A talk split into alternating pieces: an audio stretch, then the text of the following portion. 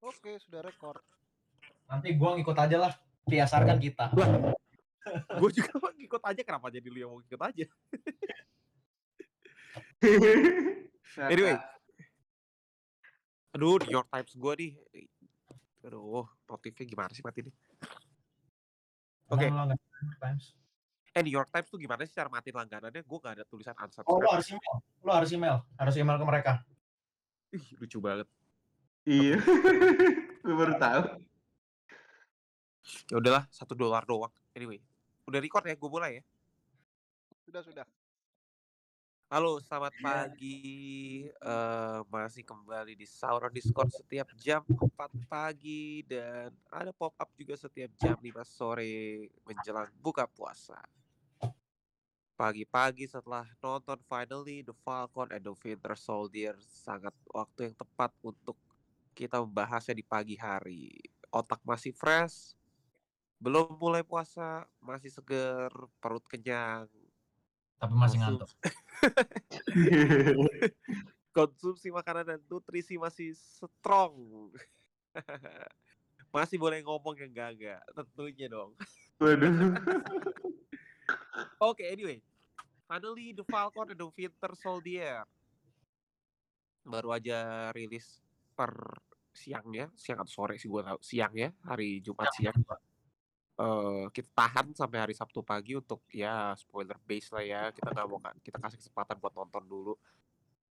Eh udah selesai, kita tahu singkat cerita Falcon jadi new Captain America seperti komik base-nya. Eh kemudian si Agent Walker jadi US Agent. Ya, Winter Soldier tetap jadi Winter Soldier pada umumnya, tapi full cycle. Karakternya tiba-tiba berdamai dengan dirinya sendiri.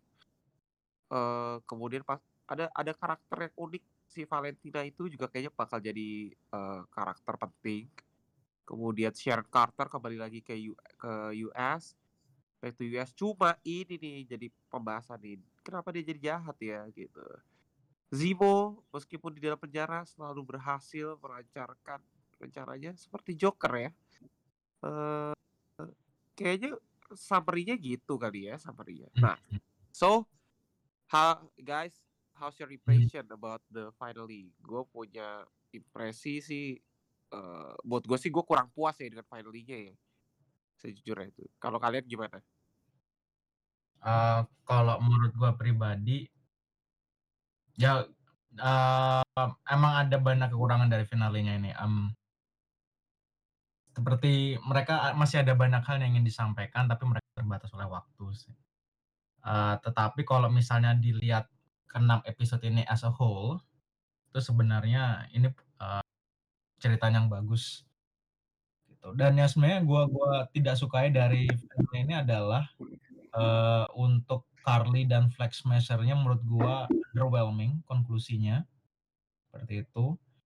Jadi lo nggak merasakan impact yang ditinggalkan oleh karakter tersebut. Impact yang ada tuh cuman eh, dalam pidato terakhirnya eh, Falcon atau Sam soal ada kelompok yang termarginalkan, mereka tidak bisa disebut sebagai teroris, mereka adalah korban dari sistem dan segalanya. Tuh, mereka mereka hanya ada mereka ya itu eh, a means for an end seperti yang kata Zimo gitu loh, bahwa mereka ada hanya untuk kemudian Sam memiliki dasar untuk argumennya soal adanya jurang antara kelompok yang termar- termarginalkan dan kelompok mayoritas. Eh, menurut gue juga action koreografinya juga di luar yang adegan dogfight antara Falcon dengan helikopter itu juga so-so, nggak keren-keren banget. Betul, betul. Falcon eh, Falconnya oke, Winter Soldier masih kelihatan seperti di nerf. Meskipun gua paham bahwa eh, ini kelihatan banget dia nahan diri karena dia nggak pingin sampai berakhir orang-orang yang dia lawan seperti itulah. Eh, tapi gua yang menurut gua yang karakter yang menonjol dari keseluruhan serial Falcon and the Winter Soldier-nya adalah John Walker-nya. Gua gua suka karakternya ini salah satu karakter yang menurut gua paling bagus di Falcon and the Winter Soldier. Karakter development-nya bagus dan acting dari Wyatt Russell-nya sendiri bagus bikin orang bisa benci terhadap dirinya meskipun dia sendiri sebenarnya tidak berbuat salah. Tidak ber, apa ya? kesalahan yang dia buat tuh tidak besar gitu loh. Dia dia wajar dia membunuh dalam situasi tersebut karena ya temennya dibunuh pertama kali dan itu self defense gitu. Dan eee, gua gua sampai sekarang masih bingung kenapa orang-orang benci dengan karakternya. Menurut gua karakternya sih dan bel karena orang sesempurna Steve Rogers tuh ut ya, eee, hampir mustahil lah. Makanya Zemo bilang hampir nggak ada orang yang bisa seperti Steve Rogers. Tuh. Itu sih. Sharon Carter juga oke dan gua gua juga bingung kenapa orang-orang bisa bilang dia jahat. Soalnya gini, mmm, Sharon Carter dalam banyak hal dia masih bantu Sam dan Bucky dalam banyak hal. Merek dia masih melindungi walaupun ya mungkin dia punya ulterior motif ya untuk bisa masuk ke dalam pemerintahan Amerika. Tapi gua rasa ini lebih sebagai hasil bahwa ia dikesampingkan oleh pemerintah Amerika, dia dijadikan buron dan segala macamnya dan ini lebih cara dia untuk bertahan hidup. Well, tapi kalau Sharon Carter kan konteks Sharon Carter ya. Kalau misalkan memang udah selesai, udah balik lagi ke US, udah nggak dikesampingkan lagi kan udah nggak ada alasan untuk dia jadi power broker ya dalam tanda kutip ya. Fal mungkin gitu kalau kalau orang udah pertama kali mendapatkan power nih, power is sexy lah, apa, eee akan sulit untuk melepaskan itu. Makanya ada orang-orang mengalami post power syndrome kan. Eee, Tapi gua tapi ini Sharon Carter men. Iya. Kalau karakter lain gua nggak peduli deh, tapi Sharon Carter gitu loh. Ya, masalahnya kita masih menganggap karakter yang di komik itu, eee, diadaptasi sama persis, eee, format film ataupun serial gitu. Dan kita udah melihat kalau Marvel tuh cenderung lebih fleksibel dalam ada mengadaptasi saga, arc, ataupun karakter tertentu. Dan menurut gua, eee, karakter Sharon Car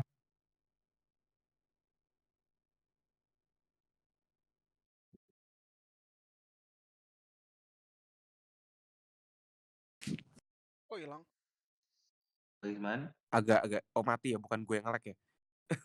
Gue Iya, pikir juga nge-lag hilang. anjir, sumpah. Iya, gue pikir gue yang nge-lag. Anyway, eee, Ini ada ada ini nih, news baru nih, Bang, nih. Apa tuh? Eee, film keempat Captain America bakal dibikin. Emang bener? Oh. Bener rumor doang nih? Enggak nih, Rumor baru udah atau udah enggak, udah ba baru apa, baru baru diumumin sama Hollywood Reporter. Oh ya? Yang yang nulis adalah kreator sama showrunner-nya Falcon Winter Soldier. Widih. Oh iya bener. Iya, Oh, oke oke. Ya gua baru cek The Hollywood Reporter, Captain America 4 in the works with Falcon Winter Soldier showrunner Malcolm. Widih. Jadi nggak ada sih. season 2 dong? Adanya film Captain America keempat ya? Dengan karakternya Sam ya? Heeh, tapi gua Iya. kemarin gua baca si Malcolm Spellman ini, Hmm. dia ngerubah listingnya Falcon Winter Soldier dari limited series jadi regular series kalau untuk award show gitu. Mmm. Oh iya, menurut gue wajar sih jadi regular series. Karena dia nggak terikat dengan eee, time. Maksudnya cerita kayak tadi, itu tuh bisa dirilis tuh di kapan pun, di timeline apa pun. Mhm. Beda sama si WandaVision yang lu nggak bisa rilis itu di kapan pun. Lu harus rilis itu after Endgame, sebelum apa sebelum apa, karena kan kesinambungan dengan Doctor Strange gitu. Jadi wajar kalau jadi reguler. Ya lebih lebih masuknya kan lebih kayak side mission gitu kan. Heeh, Mhm. betul. Oke oke. Tapi menarik kalau misalnya, eee, Falco Captain America and the Winter Soldier, judul barunya tuh jadi regular series. Hmm, gua jadi penasaran apakah ini bakal model-modelnya kayak anime gitu ya, yang ada berapa episode, terus ending-nya tuh dijadiin OVA atau film gitu ya? Eh, jadi jadiin OVA. Basically ini OVA-nya gitu, Captain America 4 ya. Ih, kasian banget tapi kalau yang nggak nonton serinya ya. Ya itu itu ribetnya ketika lo udah terlalu banyak, eee, IP dan IP-nya tersebar di berbagai platform. Tapi kan strateginya Marvel sejauh ini kan berhasil bahwa ini film-film yang harus lu tonton untuk paham apa gitu, dan kayaknya hampir deh, kayaknya pada semua penonton MCU kayaknya nggak Pasti. pernah absen untuk semua produknya mereka deh. Iya deh, pasti ya, pasti subscribe Disney Plus pasti ya. Pasti subscribe, pasti nonton gitu. Bahkan untuk yang penggemar casual sekalipun mereka pasti aware dengan, "Oh ini nyambung ke mana ini nyambung ke mana mana," meskipun masih di tahap, eee, permukaannya, tidak sampai dalam. Mhm, apalagi di Indonesia dengan harganya Disney Plus yang sangat affordable, pasti lah ya. Tuh. Oke, oke. Eh, tadi kita agak kepotong di pembahasan Sharon Carter ya. Pemat, pem- ah, kepotongnya tadi di mana ya? Sorry. Eh, apa tadi ngomongin apa? Ya pokoknya ngomongin Sharon Carter lah. Pas Ya, udah oh. punya power. Tadi gue bilang kalau Sharon Carter kan selama ini kan kita sering terpaku bahwa oke karakter ini di komik seperti apa maka di film atau di serial harus seperti harus mirip tapi kita lihat kalau Marvel tuh kan cenderung fleksibel mengadaptasinya kan jadi jangan kaget kalau misalnya berubah dan menurut gua Sharon Carter yang ini lebih menarik karakternya dibanding dia yang di Winter Soldiers ataupun di Civil War karena leb- apa ya one dimensional Punya nama gede juga nggak sih? Itu aja termasuk sih? Mana Dia juga punya nama gede di sini gitu loh. Jadi sebagai power broker, sebagai twist gitu. Jadi kayak ya. lebih lebih di highlight aja di sini gitu. loh. karakternya lebih menarik dibanding uh, seorang agent aja gitu loh. Iya setuju. Gue juga gue juga ngerasa kayak gitu sih. Iya, tapi tapi melihat melihat perbuatannya di apa The Winter Soldier pertama-tama dia dia sampai orang pertama yang kelawan Hydra Mhm. Itu kan bukti bahwa justice-nya kan tinggi banget gitu. Terus Iya. juga di Civil War dia bela-belain membantu Cap and the Team juga itu juga itu kan juga bukti bahwa justice-nya tuh tinggi gitu. Dia berani ngelawan sistem untuk untuk for the sake of justice gitu.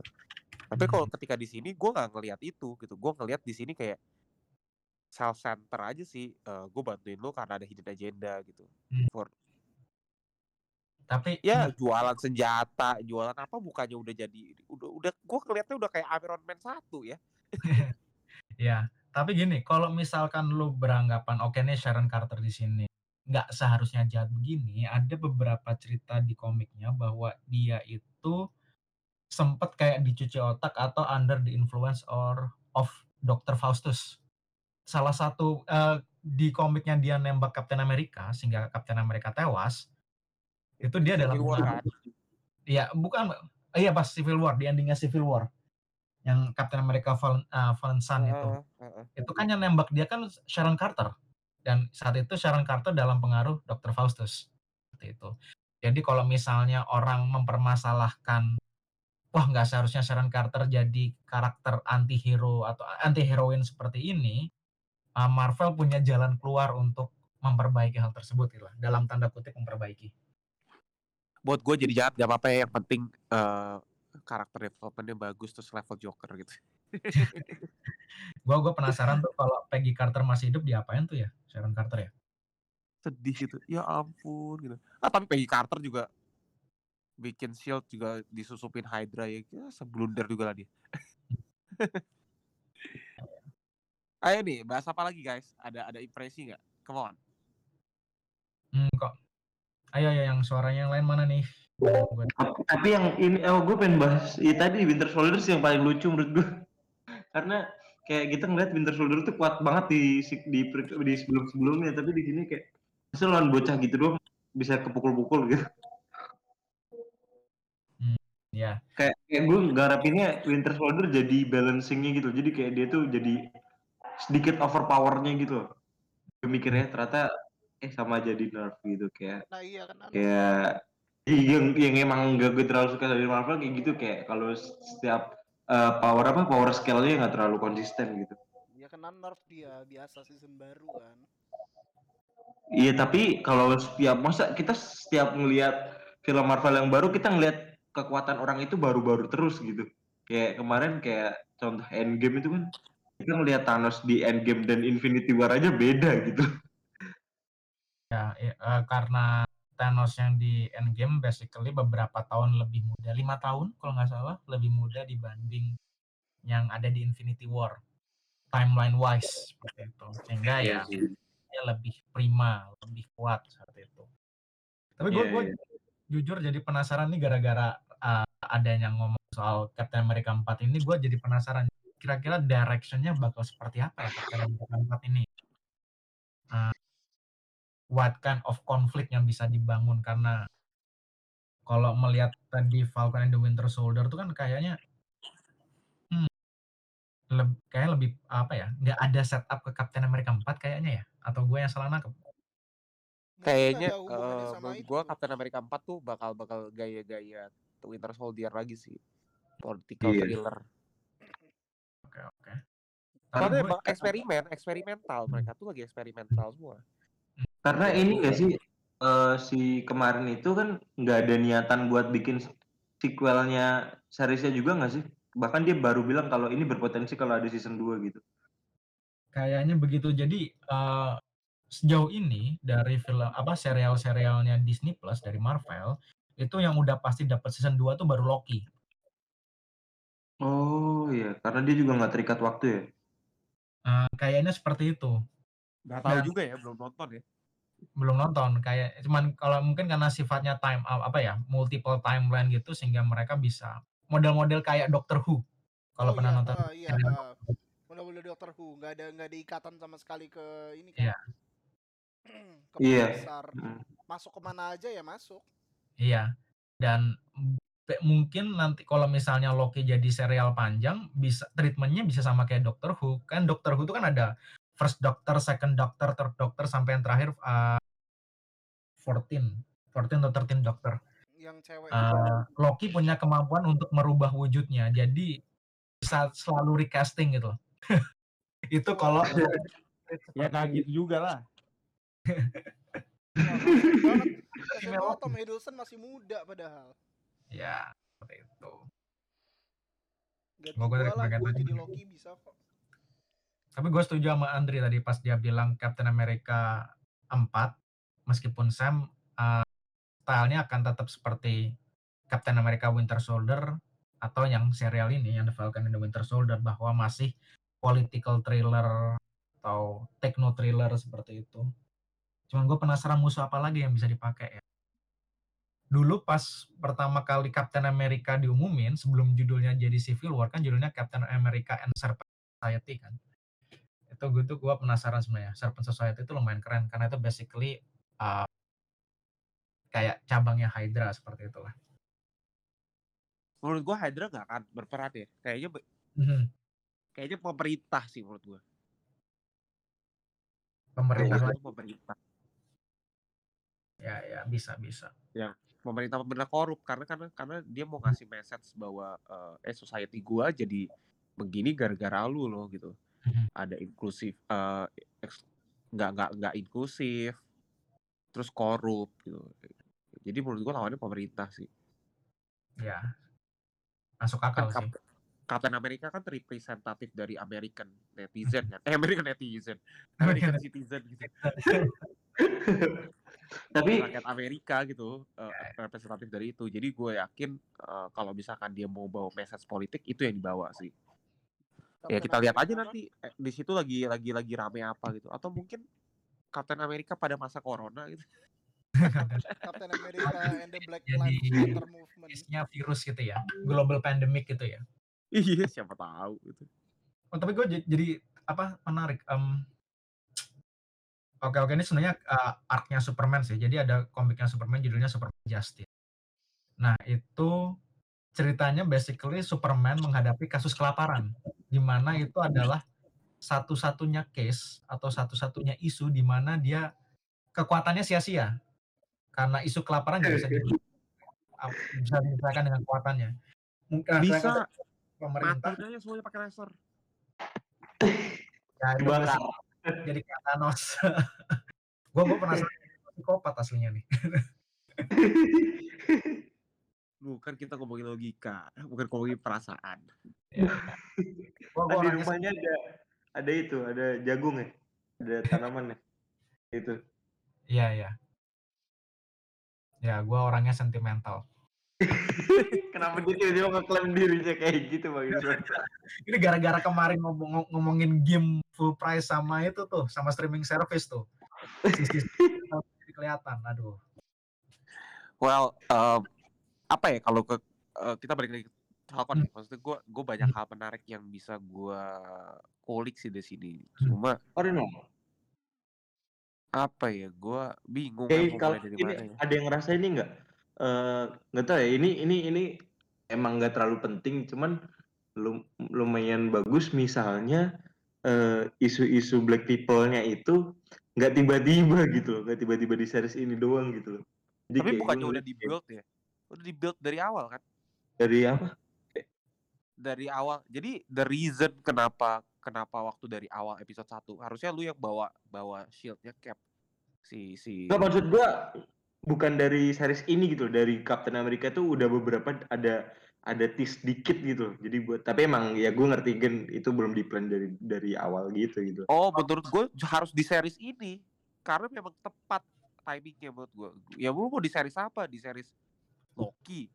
Bukan bukan apa? maksudnya di kayak film apa? Di film Eternal sih nggak mungkin lah gitu. Harus di Iya maksudnya di film Captain America yang dulu gitu at least kasih sedikit banget informasi buat buat ke depannya gitu kayak biar enggak ya kalau gue liat kayak ini bener-bener tiba-tiba banget ngomongin kayak gini gitu Kalau ngomong Black People menurut gue nggak bisa Captain America karena Captain America itu is about Steve Rogers triloginya nggak bisa masukin message itu.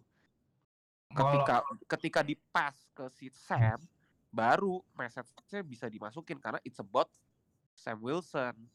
Kenapa dia nggak mau Iya, iya. ngambil cap eh, shield yang awal-awal? Ternyata orang pikir ah gua nggak layak. Eh ternyata ada message yang lebih jauh daripada itu.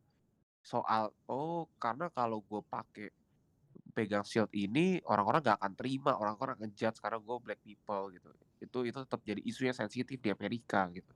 Minoritas jadi sosok representatif tuh meter banget gitu.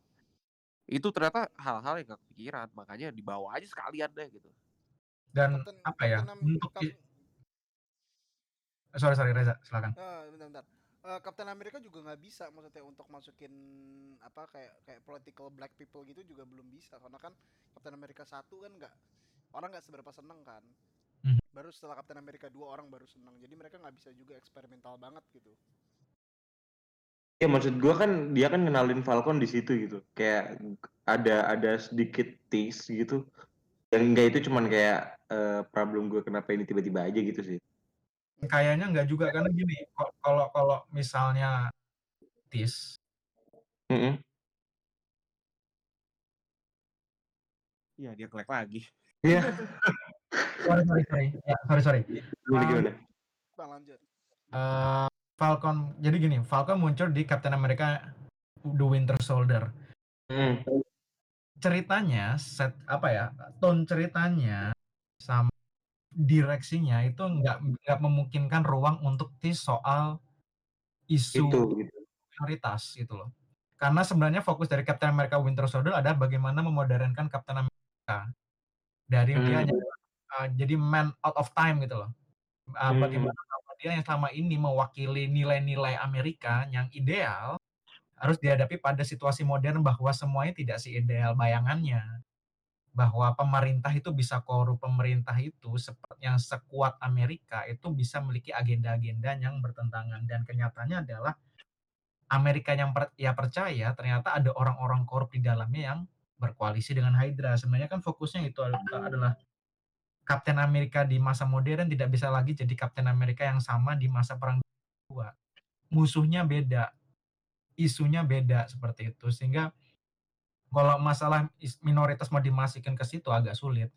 Sebenarnya kehadiran Sam-nya itu udah mewakili karena basically dia jadi uh, black superhero pertama di MCU saat itu gitu loh. Jadi kalau misalnya ditis ya itu sudah ditis.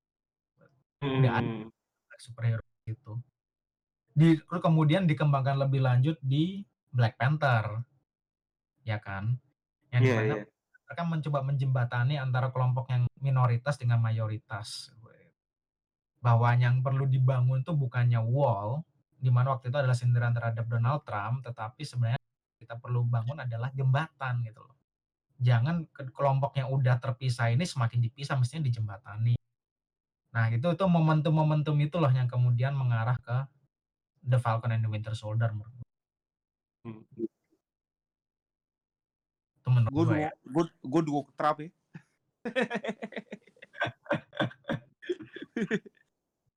tuh tapi gue jadi serius nih obrolannya kalau udah gue yang masuk kenapa Makanya ada ada jokes-jokes gue di tengah-tengah itu. Eh ngomongin cewek, ngomongin cewek, ayo. Eh jangan ke situ dulu, woi. Ini- Ini nyambunginnya ke Sharon Carter dulu dari Sharon Carter terus ditarik-tarik. Ngomong-ngomong Sharon Carter ya, si Itu Emily Van keponakan kan ya? Keponakan bukan anaknya Steve Roger kan ya? Iya, iya. Eh, Oh, oke. ponakannya Peggy Carter. Ponakannya Peggy Oh. Carter. Oh, ponakannya Peggy Carter ya. Oh, Oke, oke. Berarti waktu nyium kemarin nggak incest berarti. Enggak, enggak, enggak. Enggak dong. Ya Allah. Enggak dong. Win-win solution itu. Apa ya? Lanjut lanjut. Dapat, tantenya juga dapat gitu. Waduh. Jadi kayak serial-serial bokep. Mending tante atau mending Sharon? Mending Peggy atau Sharon?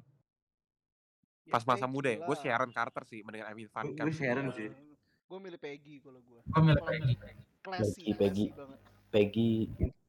For certain reason. Jadi selera berarti ya. Siapa Peggy Sukma?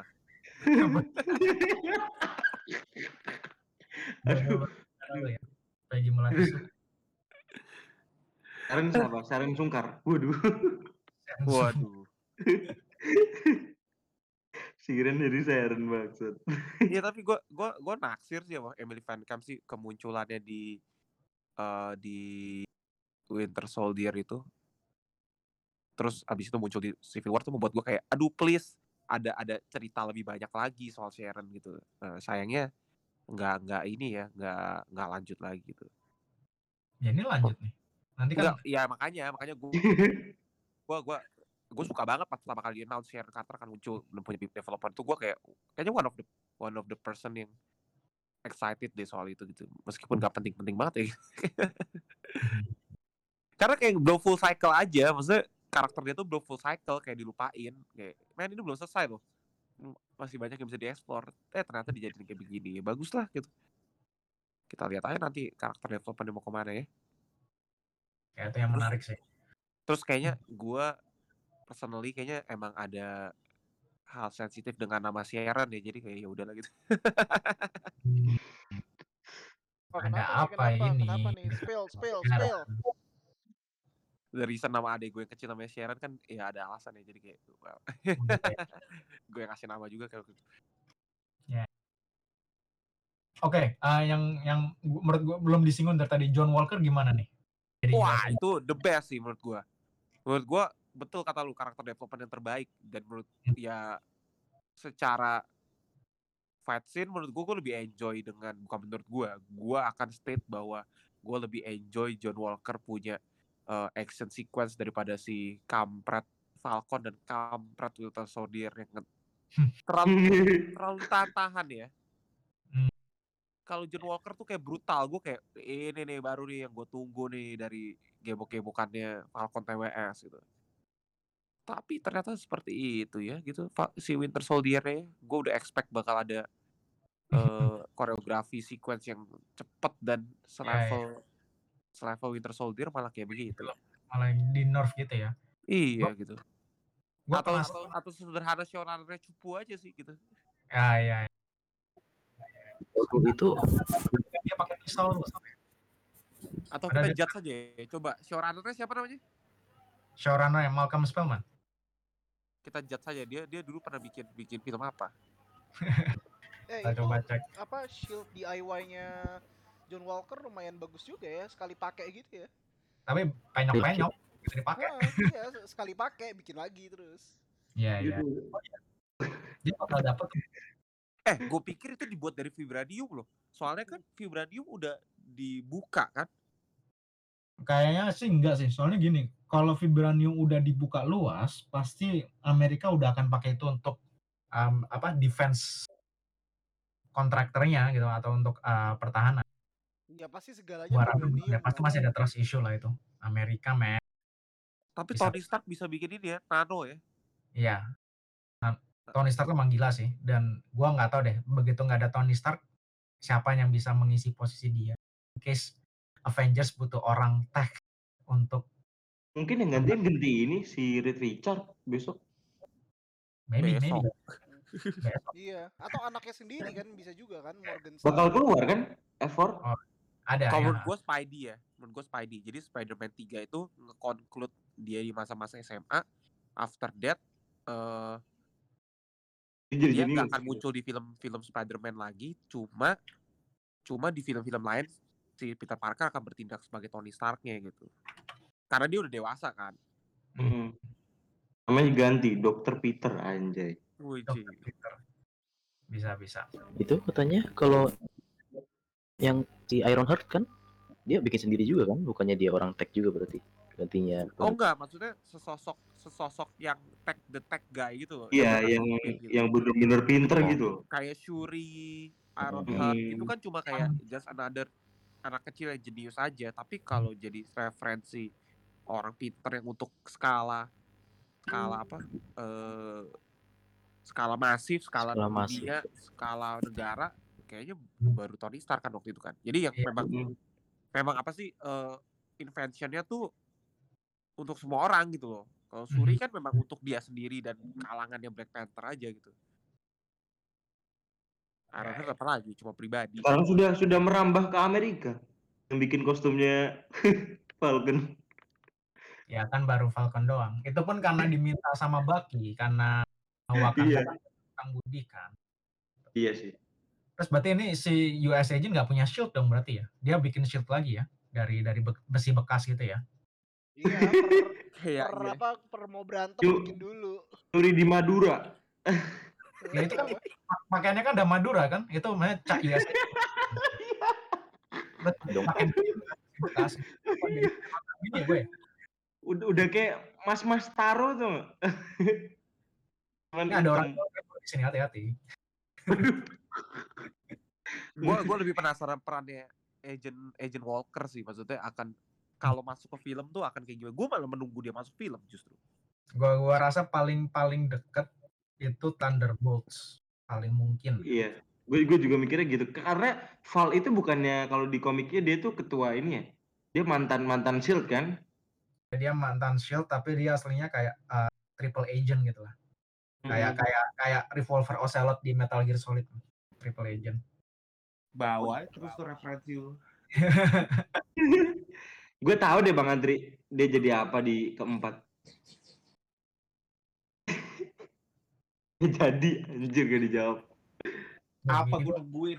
Gue nungguin. Gak jadi, gak jadi. Tai.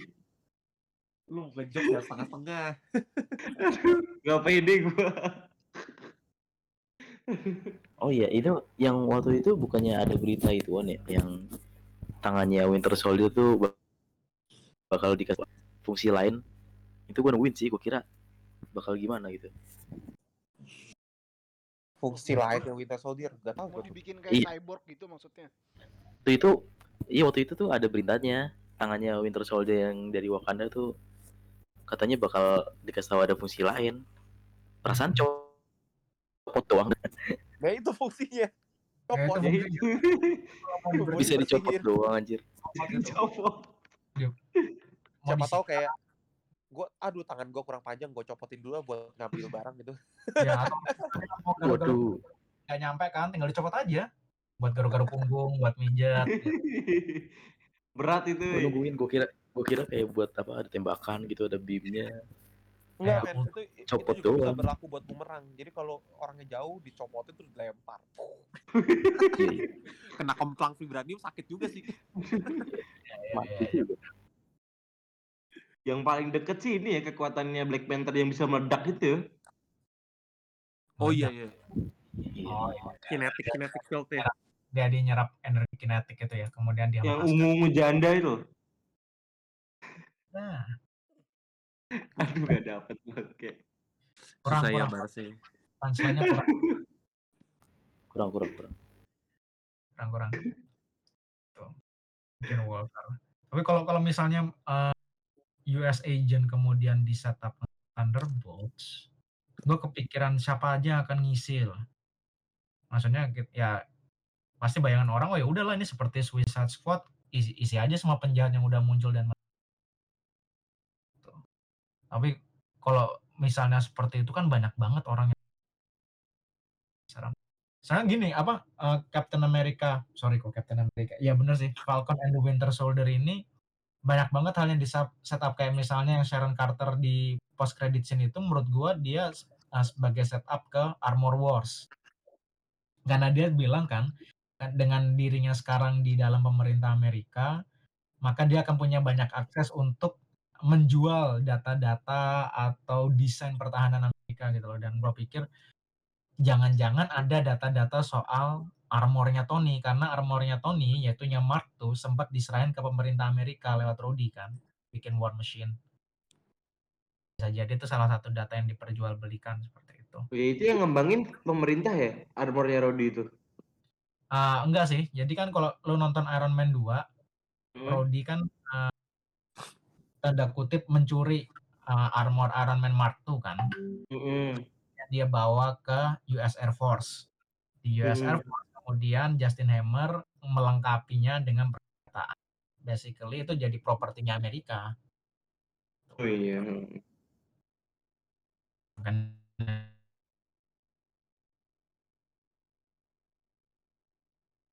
Lu lu kelek lagi.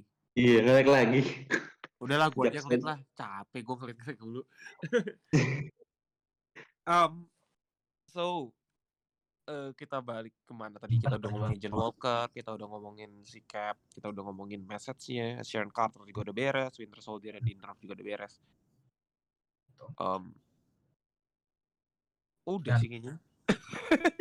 yang banyak sih ya paling paling gitu sih. Cucu cucunya eh cucu apa anaknya si Isaiah Bradley kan katanya. Itu kan Iya. karakter The Patroid ya. Ya The, The Patriot bukan Patroid. Patriot. The Patriot. Oh, itu. The, The Patriot. Ya, uh, dia itu uh, setup ke Young Avengers kalau mau. Karena gini, kalau kalau kita melihat hampir semua film apa sorry, uh, serial sejauh ini itu ada karakter dari Young Avengers yaitu di WandaVision kan ada Billy and Tommy kan. Itu Iya. sama Deacon. Lalu ini ada Patriot. Lalu nanti ada Ironheart. Lalu di Hawkeye ada siapa sih? Gua lupa nama karakternya. Bishop. Cat Bishop. Bais apa Bishop. Lalu Cat di uh, Ant-Man and Wasp Quantumania ada Stature seperti itu kan. Dan semua anggotanya yang Avengers aja nih gue gue berpikiran kan sejauh ini kita belum dapat info apa pun soal Avengers kan seluruh Mhm. film 4 dan 5 tuh tidak ada yang lead up ke Avengers gue berpikiran mungkin Marvel akan meng- sedikit mengas- mengesampingkan dan akan lebih fokus ke assemble assemble baru gitu lah.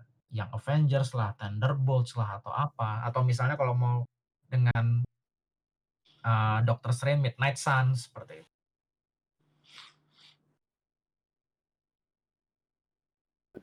Gue kira si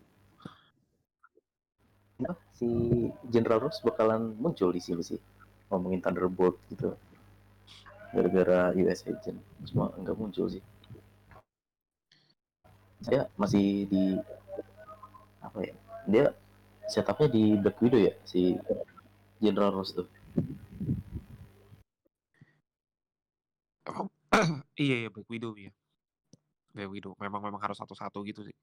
Karena General Ross itu kan taunya di film ya, masuk ke series juga akan membingungkan. Hmm. Oh, menarik. Tadi tadi gue mau komen soal apa ya tadi ya? Gue jadi lupa ya gara-gara ngeliat Ya. ngeliat yang gangga di Instagram. ya. Gue mau komen soal Oh, Young Avengers. Mhm. Gue gue lagi kepikiran. Ini kan Young Avengers ini kan scattered banget ya. Gue tuh nggak ngeliat jembatan apa yang bisa menghubungkan mereka semua gitu. Terus isu apa yang yang sampai yang Avengers yang take over tapi bos-bos gedenya tuh kayak nggak bisa take over gitu. What kind of issue gitu. Gue jadi kepikiran nih. Gimana cara nyambungin mereka semua kan kan jorok banget ya kalau tiba-tiba ayo guys kita ngumpul. Ini cuma ini cuma bisa diselesaikan oleh anak-anak muda. Orang-orang tua tidak bisa melihat isu ini. Nggak mungkin ya gitu. Ya kayak kesannya jadi kayak rebel gitu kan. Maksudnya Iya. mereka nggak percaya sama generasi tua gitu. Ah dasar boomer. It's Kayak- uh, Kayak generasi tua tuh nggak ngeliat isu ini gitu. Kayak zamannya Peter Parker sama Tony Stark Iya, gitu di di Homecoming. ya, ya, Ini ini anak-anak mana sih ini orang tua? Ah, gue akan bukti ini Stark kalau gue bener gitu. Gue gue sendiri. eh ternyata Tony Stark udah mikirin jauh jauh lebih di itu.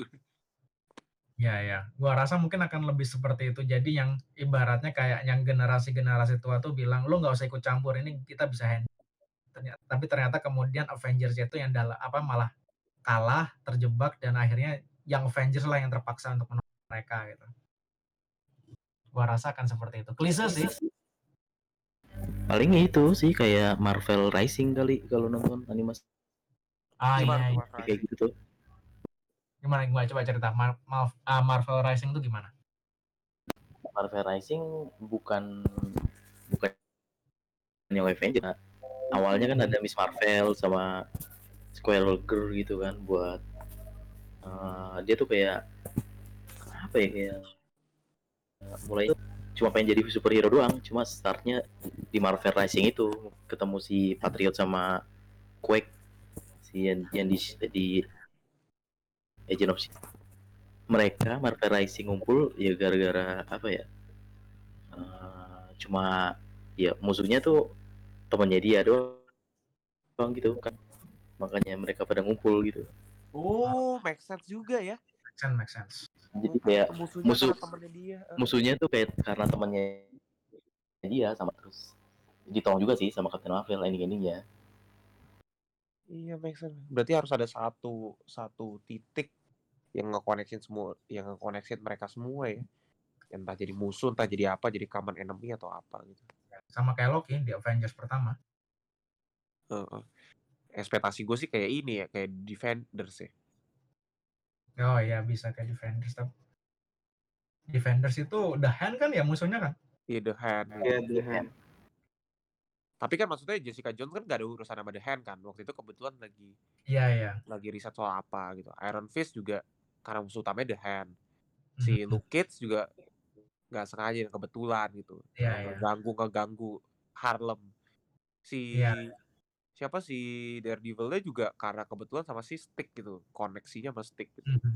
Ya padahal nggak mau ikut-ikutan. Jadi ya maksudnya secara tidak sengaja terkoneksi satu sama lain gitu. Korban dari circumstance lah itu. Heeh. tragedi, tragedi. Tragedi. BTW, I think Hmm? kita bisa end ini ya. Udah ses- udah udah mulai buka udah mulai buka puasa nih. Udah mulai puasa, eh, sudah saatnya kita nggak bisa ngomong yang enggak enggak lagi gitu.